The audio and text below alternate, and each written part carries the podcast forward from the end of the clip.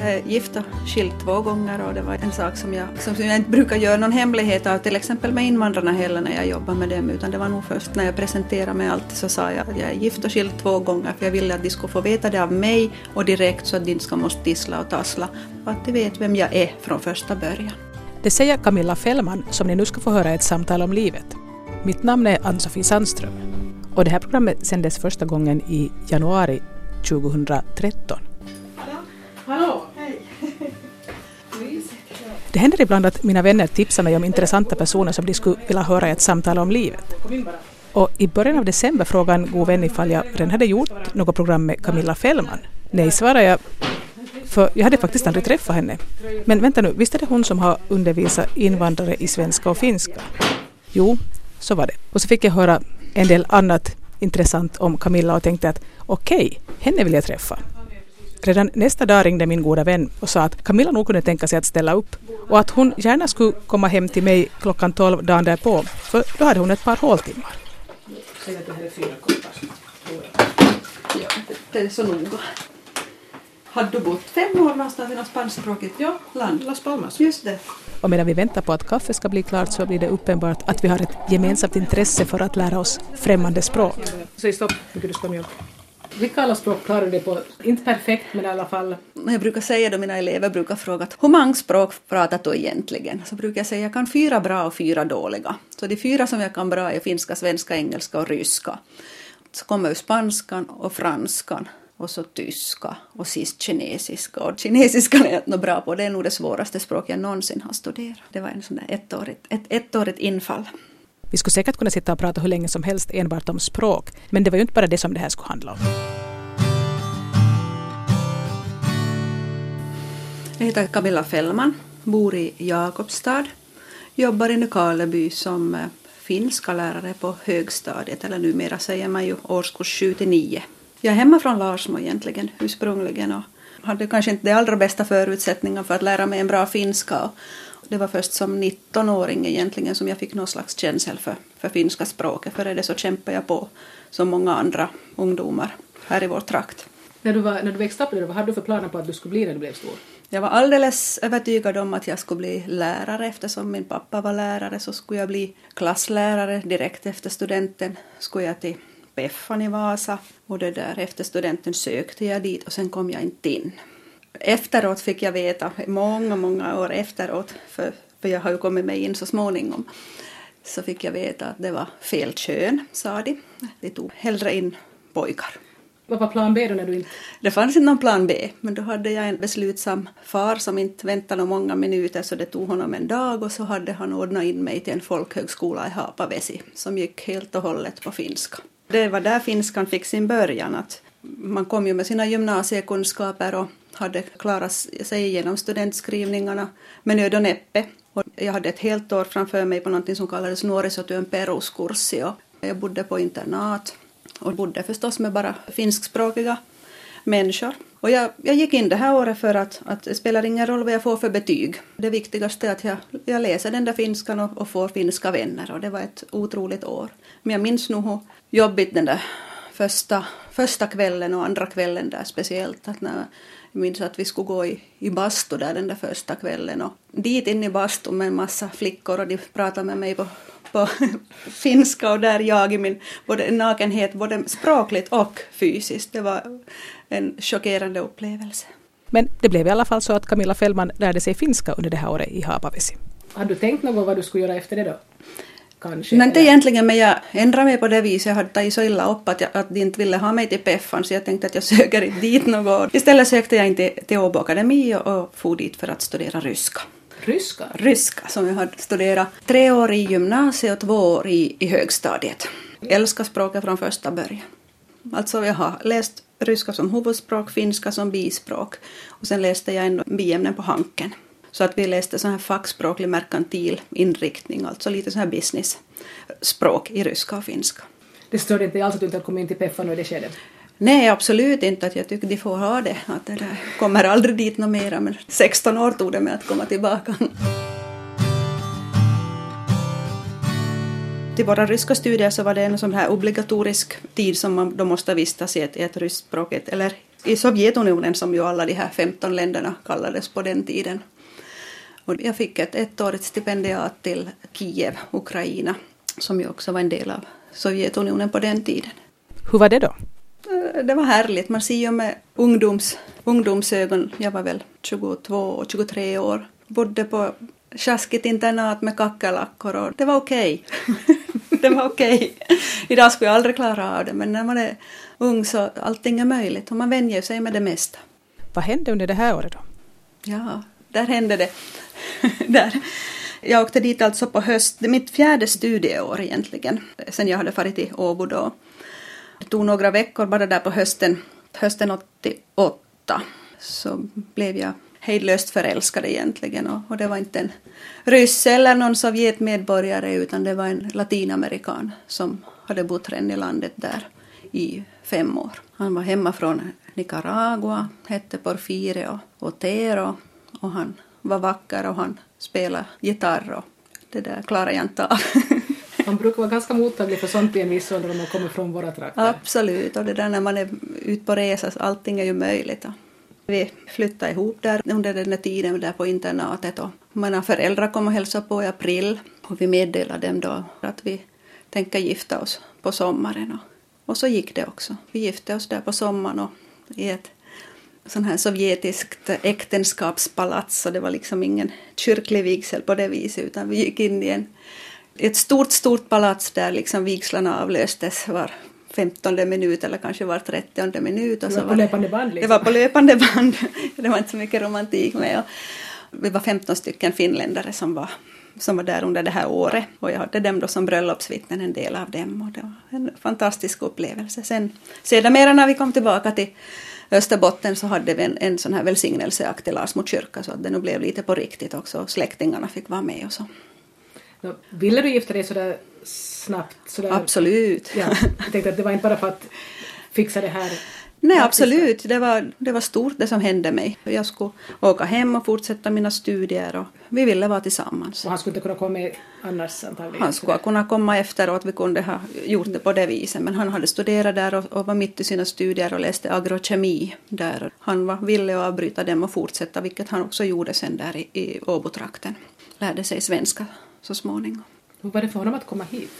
No det, idag har vi ju mycket invandrare i, i, Finland. Att det började väl röra sig om 160-170 000. Och på den tiden, det här var då 1989, så fanns det 20 000 invandrare i vårt land. Så allting var ju som nytt. Eh, också alla såna här praktiska saker på, på FPA och, och hela det här mottagandet. Att inga, det var nytt för de, de flesta inom kommuner och, och så här statliga så det, där, det, var, det var mycket jobb och det var mycket byråkrati och det var mycket papper hit och dit. Men att, att det skulle nog aldrig ha gått om man inte skulle ha varit gift. Att få uppehållstillstånd och hela faderullan. Var slog de sig ner då, Camilla Fällman och hennes man? Då började vi bo i Åbo. Vi fick en son ganska tidigt där, januari 1990, Daniel. Och vi var jättelyckliga. det var en härlig tid på något vis där i Åbo. Och det är där jag avslutade mina studier och fick mitt första jobb där i, i samma veva, 90, 91 började jobba på Finlands Röda Kors som sån här ungdoms och flyktingsekreterare och for mycket runt i skolorna och talade om Röda Korset och principerna och vad Röda Korset gör ute i världen och var med och tog emot iranska flyktingar, sådana här kvotflyktingar som kom dit till Pargas och Chimito. Och sen fick jag ett barn till där vid 92 och ganska snabbt efter det så skilde vi oss. Så då blev jag ensamstående där med två barn. Hur gick det så då? Tog den här stora kärleken slut? Ja, det var en kort, kort passion. Sen var det bara över. När man är mitt i någonting så man tänker ju inte på att någonting är tungt utan det finns ju inga alternativ. Man gör det som ska göras. Och när jag har pratat med mina, med mina nära och kära och mamma och pappa och syster och sådär så jag klagade aldrig. Aldrig så jag skulle ha sagt att någonting var tungt och så utan det var nog bara att man, man körde på. Man kan vara ensam och man kan ha det jättetungt men man kan vara ensam och stark också. Och det där jag valde väl kanske just det här ensam och stark alternativet. Tycker det var mitt alternativ. Fanns pappan med i bilden? Jo, pappan var doktor. Han var ju, det var aldrig så att vi liksom var oense på det viset. Liksom gräla om barnen eller någonting sånt, utan det var bara över. Och det här, han behövde få liksom hitta sig själv efter att ha bott de här fem åren i, i Sovjet, efter att han har varit med i, i kriget där i Nicaragua, där, han, där ju kontras och sandinisterna slodde, så han slapp bort från det och hade nog mycket egna saker som han behövde gå igenom. Så jag har full förståelse för det som skedde nu, men kanske inte då? Nej, jag hade då också. Då det ja, egentligen så förstod jag liksom att han behöver få reda, reda upp sina egna tankar. De som stödde sandinisterna så hade möjlighet sen att, att åka till Sovjetunionen och få en utbildning för att alternativet var ju att vara ute vid fronten och delta i inbördeskriget som höll på där. Blev han kvar i Finland eller for han tillbaka till... Han är, han är, kvar, han är kvar i Finland, jo absolut. Han, han har jobbat nu tio år på, på Åland som tandhygienist och ska nu flytta till Kimit och börja jobba där som tandhygienist. Så han pratar bra svenska och reder sig och sysslar med musik jättemycket. Han har bara besökt hemlandet kanske fem, sex gånger efter det här 1989 när han kom hit. Har du besökt hans hemland? Jag har besökt hans hemland en gång 2007. Aldrig, ja, aldrig då när vi Aldrig då när, i början när vi borde ha åkt för att förstå varandra bättre. Därför att jag blev gravid båda gångerna när vi egentligen hade planerat in en resa dit för att hälsa på hans föräldrar. Kanske mera det där att förstå sig på hans kultur och, och det. Han du alls lära dig något spanska då? Ja, det började med att jag läste spanska, intensiv spanska genom ryska språket i Kiev då jag bodde där, så det var lite komplicerat men det gick bra, jag lärde mig mycket.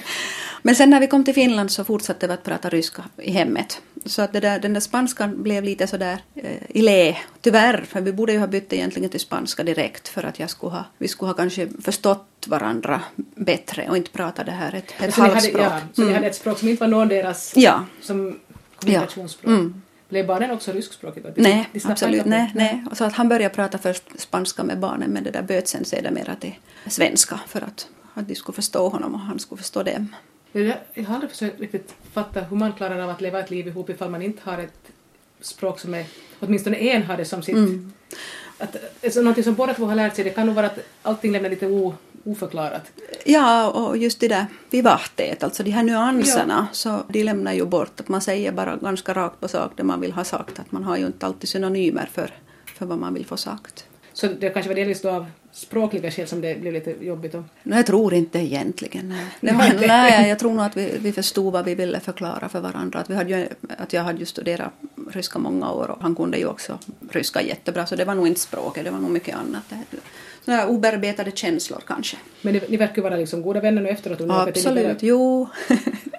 det... Ja, och vi har varit ända sedan skilsmässan också. Om man kan prata om lyckliga skilsmässor så det, det, tycker jag att vår var. Och barnen var ju jättesmå, de var två och, ett, eller två och noll. Och det där, inte minns de ju någonting av det här. Och deras pappa har alltid funnits med som en stödjande person och visat mycket kärlek till dem. Och just det här fysiska med kramar och, och sånt som vi finländare är dåliga på. Så han var en mästare på att ge åt dem. Så jag är jätteglad för hans influenser i mina barns liv. Camilla Fällman nämnde att hennes skilsmässa från den latinamerikanske mannen var en lycklig skilsmässa. Så jag frågar vad som krävs för att det ska bli på det sättet. Hoho, ja. Nå, åtminstone att man, att man diskuterar sinsemellan och kan komma överens om tider och praktiska saker och sånt. För att han, han var en god människa och det var ju, folk trodde ju förstås att, att han var elak åt mig eller någonting sånt. Det var aldrig någonting sånt utan det var bara över. Så det där, vi pratade mycket om barnen. Och blev kvar och bo så pass nära varandra att ni kunde... Ja, och jag bodde kvar ett och ett halvt år efter det och sen flyttade jag till Seinäjoki. Seinäjoki? Ja. Okej, okay. nu kommer ett nytt kapitel. nu kommer ett nytt kapitel. Fick jobb jobb i det här en firma som sysslar med stål och svetsningsarbete och gjorde stålbalkar som de exporterade till Ryssland. Det hette Stilinvest den här firman och, och dit kom jag mig då för att jobba med ryska språket då det här. Vi gjorde offerter till Ryssland som det då, det här var ju 90 94 och då fanns det ju inte mera det här hela Sovjetunionen och de här stora beställningarna utan man jobbade på ett annat sätt då med Ryssland redan. Och det var, kunde vara en beställning på en stålhall när man tidigare hade sålt kanske 20 eller 30 stålhallar med ett enda kontrakt. Och det där jag, jobbade, jag bodde och jobbade där i Seinäjoki ett och ett halvt år. Och trivdes på sätt och vis ganska bra med jobbet och med människorna var lite annorlunda. Det var nog mycket finskt. Fast jag tyckte att jag inte hade något problem med finskan och sådär. Så sådana gånger märker man ju nog att man är, man är svenskare än de där människorna i Seinäjoki. Där fanns en förening, den här svenska föreningen i Östermyra som vi var aktiva i och träffade människor som nog pratar svenska där. Men att man aningen isolerar fast jag inte på det viset har svårt att komma i kontakt med folk. Så, så lite det där icke-spontana levande som jag kände av där. Men det är konstigt att det är ju egentligen inte alls så långt till Seinäjoki härifrån. Är det 100 kilometer? Ja. Och inte det är ju ofta man hör folk som har flyttat dit eller bott där. Nej, det är en fin stad och de hade bra idrottsverksamhet redan för sådana här små juniorer och jag tyckte deras, vi hade barnen på dagis och det funkade jättebra och fin personal och allt var egentligen bra där. Det var någonting bara med stämningen som gjorde att, att jag skulle inte stanna så länge där kändes det som. Levde du där då som ensam Ja, mamma eller? ensam mamma. Så barnet fick gå i... Finskt dagis. Så de levde i total tystnad i tre månader på finskt dagis och sen pratade de finska. Men du tyckte du trivdes med jobbet?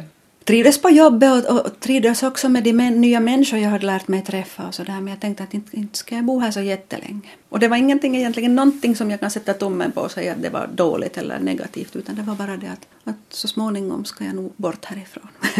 Han lärde dig mycket om stål och sådana saker. jo, jag lärde mig mycket om stål och skruvar och bultar och svetsning och det är bra att kunna. Ja. Inte har jag haft så mycket nytta av det efter det men Men kanske någon gång. någon gång, vi vet aldrig. Men vad hände sen då? Det där, var du singel där hela tiden? eller? Ja, då började jag dra lite de här eh, svenskspråkiga trakterna då, Vasa eller Jakobstad. Men Jakobstad ville jag absolut inte till tillbaka för det brukar ju vara en sån här inbyggd när man är ung och sådär att jag ska absolut inte tillbaka. Vem har inte sagt det? Ja, vem har inte sagt det?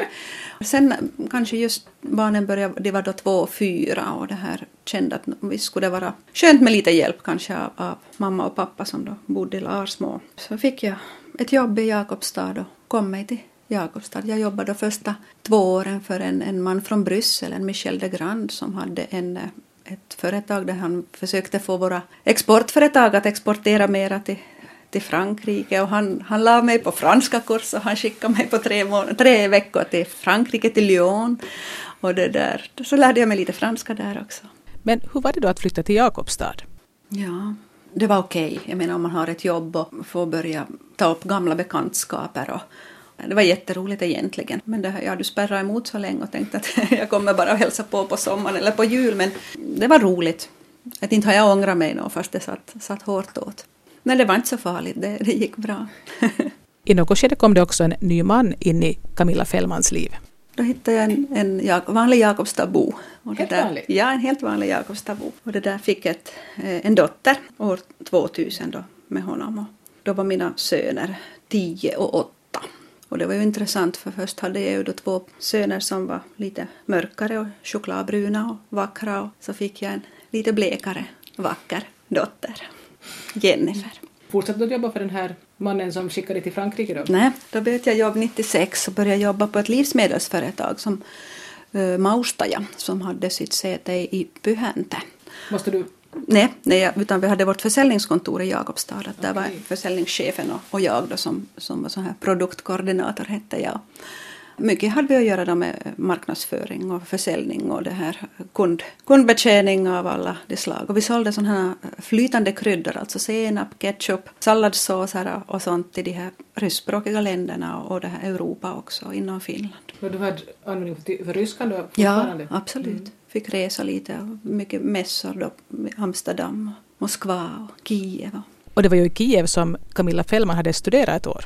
Hade det förändrats? Ja, det här var 98 var jag till Kiev då och hade inte besökt det däremellan. Betyder det var tio år som hade gått och mycket hade nog ändrat eftersom Sovjetunionen hade ju upplösts och, nu var Ukraina självständigt och man började föra in ukrainska språket. Och till exempel universitetet hade ju varit helt ryskt där jag, där jag var under det här stipendieåret och det där nu är det ukrainskt, alltså allting går på ukrainska.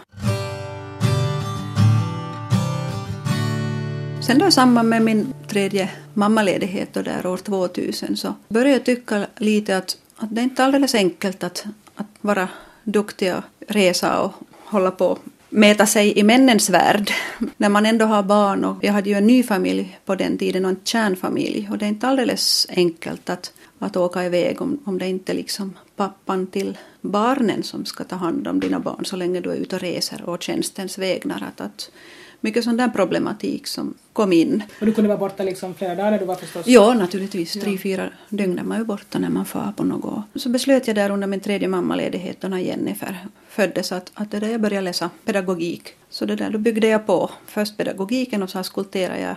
Då kom jag in tillbaka till PEFAN, det var 16 år senare. då frågade jag varför de inte tog mig för 16 år sedan. Så sa de just det här att det var fel kön. det borde, jag borde, skulle jag ha varit kar så skulle jag ha kommit in. Men jag, jag kom in nu den här gången och jag skulpterade sen och blev eh, ryska och finska lärare som jag då är idag och har jobbat med det egentligen sedan 2002 och är jätteglad att ha fått börja jobba inom skolvärlden för att, att det är lättare för en kvinna på många sätt. Och att vara lärare är, det är mänskligt för en kvinna som har barn. Hur länge tog det för Camilla att utbilda sig till språklärare? Det tog mig ett år, lite mer än ett år. Att visst var det lite jobbigt att, att pendla till Vasa och sådär och jag jobbade halvtid och samtidigt men det där det gick och sådana perioder i livet så biter man ihop och min pappa sa åt mig någon gång när jag tyckte att nu vet jag inte om jag orkar något mer så sa han åt mig bara att hördu då lägger du på reserven och det där nu kör du på reserven. och det gjorde jag, det var väl en månad kvar då eller så jag kämpade till slut och det där blev lärare. Var började du jobba då? Jag har egentligen ända sedan jag blev lärare har jag jobbat i Nykarleby. Första tre åren jobbade jag för Nykarleby stad och var en sån här finska lärare som ambulerade runt i, i alla byskolor. Jag hade en, en sån här lekfinska eller vad man väljer att kalla det för, förskola etta och tvåa. Det var jätteroligt och, och förstås lite tungt och lite knäppt att man ska köra till sju skolor på en vecka. Men absolut någonting som behövdes har jag också hört nu här efteråt, för den här tjänsten avslutades sen 2005. Och det där, efter det har man haft lite sådär mest sån här finska i, i klubbformat. Vilket betyder att alla har inte varit garanterade någon, någon finska under förskola 1 och 2. Och det märks när de kommer högre upp att det inte har... Ja, så säger lärarna, de som tog emot den på trean, att, det där, att man märkte en skillnad. Att det var att börja från noll just det där att ta vara på nyfikenheten som finns bland de här unga barnen. Att det, det är ju, de kan ju ta emot egentligen vad som helst och lära sig vad som helst. Att det kommer ju tider när de, när de inte, inte har riktigt lika mycket tid med finskan till exempel och är lika mottagliga. Att, det finns annat som intresserar? Ja, det finns det. Och det, det är tacksamma att lära sig läsa. Liksom om man tänker på att de får gå, börja gå i skolan och ta svenska och matte och allt det här så att finskan ryms bra med dit liksom i det här nyfikenhetshålet. Vi kommer in på det här med att så många i svenska Österbotten har den uppfattningen att finska är så jättesvårt och man tror att det är omöjligt att lära sig det. Men det som är intressant är ju när folk får till Sverige och studerar och tänker att finskan är för svår att lära sig och så sen när de får något jobb i, i Sverige då så blir de ansvariga för den finska avdelningen eller någonting sånt och så kommer de i alla fall kontakt med finska språket så att det, det så lönar sig. sig. Ja, sig. absolut. Precis. Alla har ju så jättebra grunder i finskan. Det är ju det där bara att man inte kommer sig ut och prata men att, inte pratar jag ju heller förrän jag nej, flyttar till Spanien. Nej. Men att familjerna skulle ju, jag tycker liksom att det ansvaret är också hos föräldrarna, att det är inte liksom bara skolan och lärarna som ska säga att ni ska läsa det här och ni ska läsa det här och ni ska göra det här, utan det handlar om att, att man ska sätta på fredags-tv på någonting annat än Sveriges Let's Dance, att det handlar om att du ska sätta på ett finskt program eller att du ska introducera någonting som finns på datorn på finska, att inte, att inte bara liksom leva med den svenska världen och Victoria i, i Sverige och Carl Philip och och de här. Att har man förväntningar på att barnet ska lära sig finska så borde man nog också som förälder göra livet lite, lite mer obekvämt. Jobba på ett annat vis för finskan. Eftersom vi är så isolerade som vi är. Men det där finns inte liksom i folks... Nej men det, kom, det ska finnas, det kommer att finnas. Vi ska jobba på det. Jag, jag var på en, eh, jag fick föreläsa på Norrmäns föräldramöte för en ett par månader sedan och, och det där var just mitt tema egentligen för min halvtimmes föreläsning där. Och jätteintressant och jag var ju lite inställd på det här med att jag kommer att få mothugg och, och det är arga att det inte finns några finska här och sådär. Men jag fick så bra feedback efter att jag hade varit berätta och liksom att vad man kan göra, små små vardagliga tips att det här inte behöver du ju liksom ta hela handen utan du kan ju liksom bara ge eh, lillfingret för någonting så att finskan skulle intressera lite mera. Och just det här med ungdomarna och barnen som är på datorn så mycket nu för tiden att små tips vad de kan göra och liksom varför skulle de måste installera all, all, alla program på svenska eller på engelska i din dator att det går ju att göra det på finska om man bara vågar själv för det handlar ju om att bli bekväm med ett språk. Och så har vi nog sådär felaktig uppfattning att man måste tala perfekt för att man får säga något. Ja, och finnarna är jätteduktiga på att berömma och liksom försöker du bara så de, de, de tycker att oj vad du kan, vad du kan bra. Så det är inte därifrån liksom Nej, de stora det, kraven det, det, kommer. Ja, det är vi själva. Ja, ja. Camilla Fällman berättade att hon jobbar några år som ambulerande finska lärare i förskolan i Nykarleby. Och sen när den här tjänsten tog slut i Nykarleby stad så, så råkade det då finnas ett ett jobb på Kristliga folkhögskolan i Nykarleby. Och där började jag i maj 2005 fick börja undervisa invandrare. Först lärde jag dem svenska men redan efter ett år där i skolan så fick jag börja utveckla det här finska språket för att det fanns ett behov bland invandrare av att få lära sig finska. Och det var en verkligt givande tid där jag har fått, jag har träffat så många människor och från många, många olika länder. Att, att det är ungefär 25 olika nationaliteter på Kristliga folkhögskolan varje år och, och alla, alla är ju individer som man har fått bekanta sig med. Men hur undervisar man dem då när de har så olika språk från början och kanske vissa kan engelska, vissa kanske inte ens kan det. Och så hur, hur gör man? Bäst var det nästan när, när de inte har kunnat något annat språk alls. så att man bara måste använda det här svenskan eller finskan åt dem. Men det är klart att nu har jag fått ta alla mina de språk som jag kan. Jag har fått använda alla, all, all hjälp jag har, jag har kunnat och nått fram ganska bra tycker jag till dem och det där. Sen när man inte har något språk att gå till så då tar man till händerna och ansiktet och tar i dem och, och klappar dem på rätt ställe. ritar och visar. Och ritar och visar och det där. Det var ett otroligt jobb. Och de lärde sig? De lärde sig. Det, för vissa gick det långsammare och för vissa gick det jättesnabbt. Det mm. snabbaste jag hade någonsin var väl en pojke som lärde sig finska på tre månader. Men det är ju heltidsstudier med 25 lektioner i veckan så att det där men de som, de som var motiverade och villiga att läsa på kvällarna och det här börja umgås med människor direkt, så de tar det snabbt. Men sen tog vi också förstås emot många analfabeter att det här, de har ju mycket längre väg att, att vandra. Renate från början liksom for själv ut i Sovjetunionen när du var ganska ung och har haft att göra med olika kulturer så det har du haft all möjlig nytta av tydligen. Absolut, det, det, det känns nog som jag skulle haft ett rikt, rikt liv så här långt och jag hoppas att det fortsätter att vara lika rikt men det, det tycker jag har haft härliga år. Vi har ju sett mycket livsöden förstås genom det här med invandrare och, och hur det, vad man kan vara i för ens i olika situationer. Så det har vi har hjälpt många förstås och, och just haft kontakt med kvinnojouren och verkligen kommit i kontakt med fall som inte har varit alldeles enkla att lösa som finska lärare. Du har fått vara både social, socialarbetare och, och psykolog och allt annat också. Och vän. Har du många vänner kvar av det här som du har undervisat? Ja, alltså jag kan inte gå in till Lidl utan att bli omkramad ett par gånger. det är alltid lika kul att få till Lidl. Där träffar jag alla. Och så brukar jag tänka också att ja, i Helsingfors har jag massor med bekantskaper. Därför känner man en människa från Somalia som bor i Jakobstad så känner du också de flesta somalier som bor i Helsingfors. De, de känner varandra, de är släkt med varandra. Det har varit egentligen en av de största sakerna med att undervisa invandrare är ju det att, liksom att, att att skilja mellan sitt privatliv eller, eller det professionella livet. Mm. Att, liksom att vem bjuder du hem eller vem far du hem till? Och, och det där. Man har ju blivit hembjuden många, många gånger och att liksom var, var är gränsen för, för hur god vän jag ska vara med, med alla?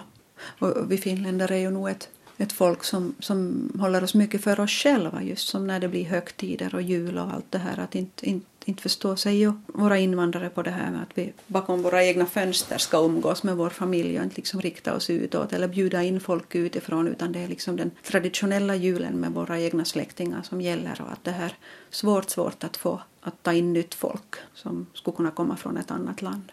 Inte var det så enkelt heller när jag kom hem med min nicaraguanska vän som sen skulle bli min, min man. Där den första julen så var jag hemma det var, de tyckte ju att han var, han var exotisk på många sätt och, och det där att åhå, att vad, vad kommer Camilla att ställa till med här nu?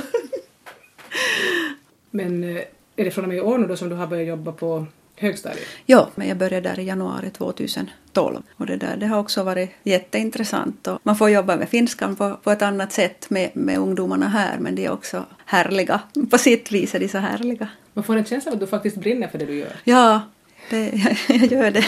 Allt ja, ja, jag brinner för allt som jag hittar på och gör och det där. Det, på gott och ont förstås, så det är jätteroligt. Men det är som svårt, svårt att, att dra en gräns mellan vad som är mitt jobb och vad som är min fritid och vad som finns däremellan. För jag tycker allting är så roligt och, och jag vill ta reda på mera och lära mig mera och det där. Internet finns ju idag och där finns jättemycket information som man kan ha nytta av. Men inte för finska språket, det måste jag säga. Skulle jag vara engelska lärare ja, så det där, där finns ju alldeles för mycket. Men det där finskan, finskan är begränsad i alla fall, vad som finns där och, och man utvecklar ju idéer vad man skulle kunna göra där istället. Du nog provat på att undervisa alla möjliga sorters människor på det sättet, från barn till det här, alltså små barn till... Mm. Och jag tror, jag tror det är bra. Jag tror på det där att, att du ska förenkla och göra någonting så lätt som möjligt för att, att, att få, det, få det intressant. Förenkla just för invandrare har jag fått förenkla jätte, jättemycket och liksom försöka rita upp på tavlan att, att det är så här jag menar. Och, och det där. Kanske inte bara på ett sätt utan på tre eller fyra olika sätt. Och det är ju jättebra att man, man varierar sättet att förklara på. Då man ser att no, nu, nu tog han det eller nu, nu förstod hon det där, yes. Camilla Fällman har alltså nu jobbat ungefär ett år på högstadiet i Nykarleby. Men hon drog igång ett ganska speciellt projekt på folkhögskolan i Nykarleby just för att hon bytte jobb. Ja, ja, det var riktigt nyskapat det här projektet och då fick jag veta att jag ska byta skola och tänkte oj, oj, oj, att, vad ska jag göra nu att det där om jag far därifrån. Men allting rullar på alltså. Det är en sån här volontärlinje med intensivstudier i spanska som har börjat på Folkis nu då i, i höst, augusti 2012. Och nu har de läst spanska då intensivt ända fram till december plus att de fortsätter några veckor i januari och sen ska de åka iväg på tre månader till Nicaragua. Och det här ett fantastiskt projekt och det där. Vi trodde nog aldrig att vi skulle ha så mycket sökande som vi hade. Att det var ju 40-talet som ringde och tog kontakt. Och det, det där. Sant, jo, ja, och 14 har gått den här linjen med Nancy Blomqvist som är född, född i Nicaragua som har dragit det här som lärare och, och det här sökt alla kontakter där och var på sin förra resa så tog hon kontakt med organisationer och sånt. Så det där det ska bli jätteroligt att se hur det, hur det utfaller det här. Att vi har just, jag besöker de här volontärerna en gång i veckan och går och kollar att de har allt okej okay och att har de frågor så reder vi ut dem gällande försäkringar och vaccinationer och allt det här. Och de får 29 januari. Och det, har varit, det är fantastiska människor på den här linjen. Att där, vi har ju åldersgräns 20 år så att inga äventyrare utan, utan moget folk som kan ta ansvar för sig själv. För det där man måste ju kunna bete sig och det kan de allihopa. De är härliga människor som har hunnit fundera lite på, på det här, meningen med livet och, och det där. Vad vill jag göra och vad vill jag lära mig och vad har jag inte hunnit göra ännu. Saknar du det här att undervisa utlänningarna? Nej, jag tycker jag gav allt. Och jag brukar inte ångra någonting. Att liksom när jag gör ett beslut så ser jag inte tillbaka med vemod utan jag går igenom den där sorgeprocessen. Liksom, och det gjorde jag faktiskt då när jag skulle lämna Folkis. Det tog mig hela förra december månaden när jag hade fått, fått liksom veta att jag ska flytta till högstadiet. Att det, där, det var en stor, stor sorg på många sätt. Att liksom jag lämnar både kollegor och mina elever som, som behöver mig så mycket. Så man, man tycker ju ofta man är oersättlig. Men jag saknar inte det egentligen. Jag tycker jag, man kan göra en insats var man än är och det försöker jag att göra. Men du tycks ta dig den här tiden att bearbeta någonting och känna den här sorgen och ja, sen ja, går du vidare? en tid och sen liksom beslutar jag mig för nu är det färdigt att nu, nu går jag vidare. Istället för att gå omkring och vara sådär halv, ja, ja. halvlejd. Ja, och det är jobbigt. Det är jobbigt. Ja. Nu är det fel man ofta gör. Ja. Att man tar in sig den här tiden att okej, okay, man tycker jag borde inte få känna så här. Nej. Jag skulle vara glad att jag fått ett nytt jobb. Ja. Men nu kommer man vara ledsen i alla fall. Ja. För att någonting tar slut. Ja, absolut. Men att ändå vännerna finns kvar och de där bekantskaperna finns kvar är liksom en, en tröst i det hela. Men ändå att du tar ett beslut och du står för det och så går du vidare. Det är jätteviktigt. Och sen ett år tillbaka är alltså Camilla Fällman huvudsakligen lärare i finska. Förutom finska har jag dessutom ryska som modersmål åt, åt sex elever och det är jätteintressant. Alltså, sådana som har kommit hit som arbetsinvandrare så har ju barn förstås med sig och det där. Det var jätteroligt att ha hela hösten med dem, liksom ryska en gång i veckan. De pratar ju fantastiskt bra ryska, de, alltså, de pratar ju bättre än mig men att det är ändå roligt att, att ta ner det liksom till någon slags pedagogisk nivå för de har inte fått läsa ryska egentligen på många år, många av dem. Camilla Fällman berättade här tidigare i programmet att hon i något skede gifte sig med en Jakobstadsbo och fick en dotter. Men hon är inte längre gift med honom. Eh, så jag är gift och skild två gånger och det var ju en sak som jag, som jag inte brukar göra någon hemlighet av till exempel med invandrarna heller när jag jobbar med dem utan det var nog först när jag presenterade mig alltid så sa jag alltså att jag, att jag är gift och skild två gånger för jag ville att de skulle få veta det av mig och direkt så att de inte ska måste tissla och tassla. Plus att jag tycker att för många av de här nationaliteterna som kom var det viktigt att se att, att det här landet de kommer till så är kvinnorna är ganska självständiga, kanske lite annan sort än, än från de länder där de kommer och att, att de vet vem jag är från första början. Köra med öppna kort. Har någon utlänningsgrupp tyckt att det här var himla konstigt då? Men att... egentligen, de, de och blev ju lite sådär nollor och visste inte hur de skulle reagera och förstod de faktiskt rätt och så här men att det där, de har tagit det riktigt bra. Och sen när de har lärt känna mig så, de förstår ju. Vad är det som har gjort att du blivit så här självständig då? Har du liksom uppfostrats på ett sätt eller är du bara född sån? Eller? Jag är nog bara född sån här. Jag, har liksom, jag, jag kör mitt eget race och det inte det alltid så enkelt för, för min omgivning eller kollegor och så där säkert heller. Att det där, men att, att jag vet hur jag vill ha det och jag tycker att det lyckas relativt bra oftast. Hur tidigt märkte du själv det draget hos dig själv att du visste vad du ville och gjorde det du tyckte? No, min mamma har sagt någon gång fyra, fem år. så där vid fyra, fem år då syntes det ganska klart att jag hade en egen vilja. Hon berättade vad du gjorde då? Jo, jag stod i snön och jag skulle inte in och jag stod där i snön och hon lämnade mig där och jag stod länge. Men jag, jag, kan nog ändra mig alltså om jag får en bra förklaring till någonting annat så jag kan ändra mig. Men det där jag, när jag får någon idé så gör jag den ganska snabbt och det där genomför den relativt snabbt och vet hur det fungerar och oftast funkar det. Mm, avundsvärt. Jag har aldrig någon beslutsångest utan jag gör snabbt beslut och sen skrider jag till verket och om jag jobbar med något projekt så jag sätter liksom direkt igång med det och liksom fast jag vet att det ska vara färdigt först om två månader eller någonting sånt. Jag sätter direkt igång med det för då brinner jag och det där, då forskar jag och då tar jag reda på och det där söker upp och sådär och jobbar med det och, och efter att jag har, jag försöker sätta ner till papper så fort som möjligt någonting bara för att då blir det konkret för mig och så sen liksom då får jag de bästa idéerna efter det när jag går ut och promenerar kan jag få jättebra idéer och bygga på det här. Men sen då när man börjar komma till deadline då typ efter två månader så då har jag liksom färdigbearbetat det och egentligen lämnat det bakom mig. Och då, då de där andra som samarbetar med mig då börjar komma och fråga hur jag hade tänkt mig det där eller hur jag, hur jag skulle kunna tänka mig det där. Då har jag nästan liksom glömt bort det här än för mitt är färdigt och jag har det på papper där hemma helt genomtänkt och sådär så att, att att det där jag är en, kanske inte sån där hundraprocentig processare utan det där jag kommer till 90 procent och så har jag färdigt lite för fort. Men jag skulle lite behöva det här att få, ja. kunna få saker gjorda lite på förhand. Ja. Jag har nog lyckats bli bättre på det, mm. men jag har, har nog det här deadline. Ja. Då, då liksom kommer den sista som behövs för att jag ska få gjort det ja, bli det, färdigt. Det, börja direkt, det allra bästa. Börja direkt och sätt ner bara liksom några minuter på det där direkt. En mening eller någonting sånt, då har man början. Men jag, jag tror att det till, till viss mån är nog faktiskt så att man är bara kopplad på ett sätt. Att ja. finns inte, man kan inte helt ändra på det. Nej.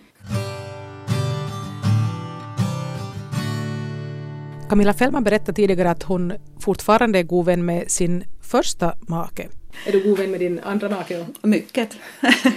kan också föra bra diskussioner med, med honom. Förstås gäller det ju vår gemensamma dotter då mest och sådär men att, att det, barnen ska känna att, att de älskar det och mår bra med båda. Så det är viktigt att man inte, inte pratar illa om den andra och att man har en öppen dialog. Hur har du lyckats då med båda dina ex-män ha ett vettigt förhållande? Att du, jag menar... Jag vet inte, på något vis så tycker jag om... Jag tycker om att vara diplomatisk och så tycker jag om att kunna gå och sova då jag inte har gjort någon illa med mina ord. Att det där, om man har det som sin princip, att inte, inte skada någon med orden, att det är nog mitt sätt att leva på något vis. Visst kan jag vara frän, men, men jag försöker att inte... Jag vill må bra när jag far och sova. När man är så här spontan och impulsiv, som jag också är, att jag har någon gång i ganska tidig, tidiga, nej, någon gång där i 16-17 års åldern så minns jag att jag gick mycket och funderade på det där att varför håller jag inte snattran, att varför är jag inte tyst, att varför, varför låter jag sådana här ut, utrop liksom bara flyga ut ur min mun? Och, i det skedet har jag bestämt mig för att, att jag kan inte gå och ångra allt jag gör och allt jag säger och liksom gå och stoppa mig. Om det bara flödar måste jag få säga det. Men att liksom vad jag kan göra är att lära mig att försöka, det som kommer ska vara liksom positivt. Det ska vara som glada utrop eller glada grejer på något vis och inte någonting som sårar. Så jag hoppas jag, hoppas jag inte har skadat någon i min omgivning med, med elaka saker. För det är inte det jag försöker.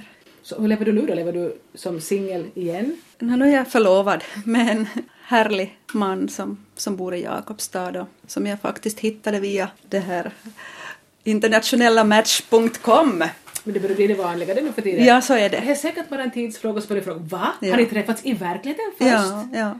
Inte via nätet?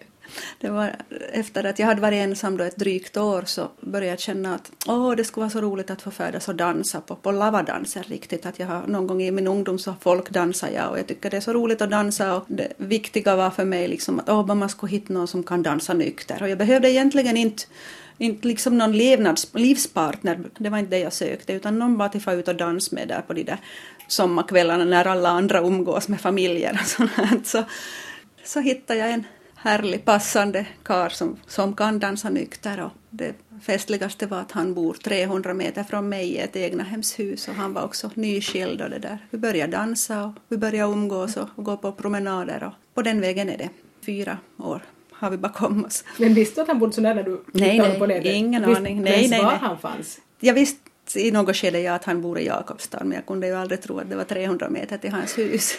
så vi nästan såg till varandra genom fönstret. Jag tycker jag är mycket tillfreds med mitt, med mitt liv och jag tycker jag kunnat lugna ner tempo på äh, rätt platser på något vis. Att ibland har jag ju haft lite för hårt tempo på olika sätt och vis men det där att jag tycker att jag börjar bli sådär mogen och jag kan tänka mig att vila på eftermiddagen. Det tyckte jag inte gick för sig förut och sådär att, att det där. Varför inte? Jag tyckte inte att det passade. Jag liksom, det fanns för mycket att göra på något vis. Men det där jag tycker det, man, man blir klarare i knoppen av att vila en liten stund och ta en liten powernap och så fortsätter man sen med träning på kvällen. Jag tycker det är viktigt också att, att en, en timme om dagen försöker jag hålla mig i någon slags fysisk form och det där ut och promenera eller med stavar eller, eller på gym eller så på sommaren så spelar jag golf. Jag hade ett skede där när jag, liksom, jag var så intresserad av språk och jag tänkte nu går jag på språkkurser på kvällarna och så där men så insåg jag liksom att nej att, att det där, nu måste jag börja tänka mera på det här fysiska att det liksom, gör jag någonting så att jag är borta från familjen så är det liksom fysiskt, det fysiska jag måste satsa på. Att det är liksom det värdefullaste, att jag mår bra i kroppen och det här liksom är stark, stark på det viset vi är så förnuftiga med min pojkvän och han som jag är förlovad med så vi, vi, vi bor särbo och vi har så tänkt också fortsätta ända tills våra de här minsta, han har en 11-årig son och jag har då den här 12-åriga Jennifer hemma. Ännu att så ska vi bo tills de flyttar hemifrån. Och det där, det här, vi, ofta kan vår, vårt umgänge vara på det viset att vi tar den där gemensamma promenaden eller någonting sånt och tycker om att, att vi har vårt eget, så vuxna och mogna och förnuftiga är vi. Men eh, också det här med att man har prövat på att ha en ny familj, att det här att det finns liksom plus och minus med allting och det här är, det här är en bra lösning. Och sen är det skönt att vara för sig själv också, att det här att jag egentligen tycker jag om mig själv som typ, jag kan bra vara med mig själv också. Att där inte tycker jag det är någon katastrof fast jag har någon halv dag ensam för mig själv, tvärtom så njuter jag av det. Till slut frågar jag nu ifall Camilla Fällman skulle säga att hon är en lycklig människa. Ja, det tycker jag nog. Optimistisk och, och ganska lycklig. Inte ska jag säga ens ganska, jag ska säga lycklig. Visst är novembermörkret liksom så här så det, det kan ta bort lite av den här känslan av att må bra och sådär men, men samtidigt så tror jag att vi finländare vi är, vi är gjorda för de här säsongerna, de här fyra säsongerna. Vi behöver den här mörka tiden också för att komma igen och blomstra upp sen som vi allihopa gör där i mars-april när vi, när vi börjar ta till oss den här marssolen och njuta av röra oss ute och börja umgås med folk igen utan att dra upp axlarna och frysa. Ni har hört Camilla Fällman från Jakobstad i ett samtal om livet. Mitt namn är Ann-Sofie Sandström. Det här programmet sändes första gången i januari 2013.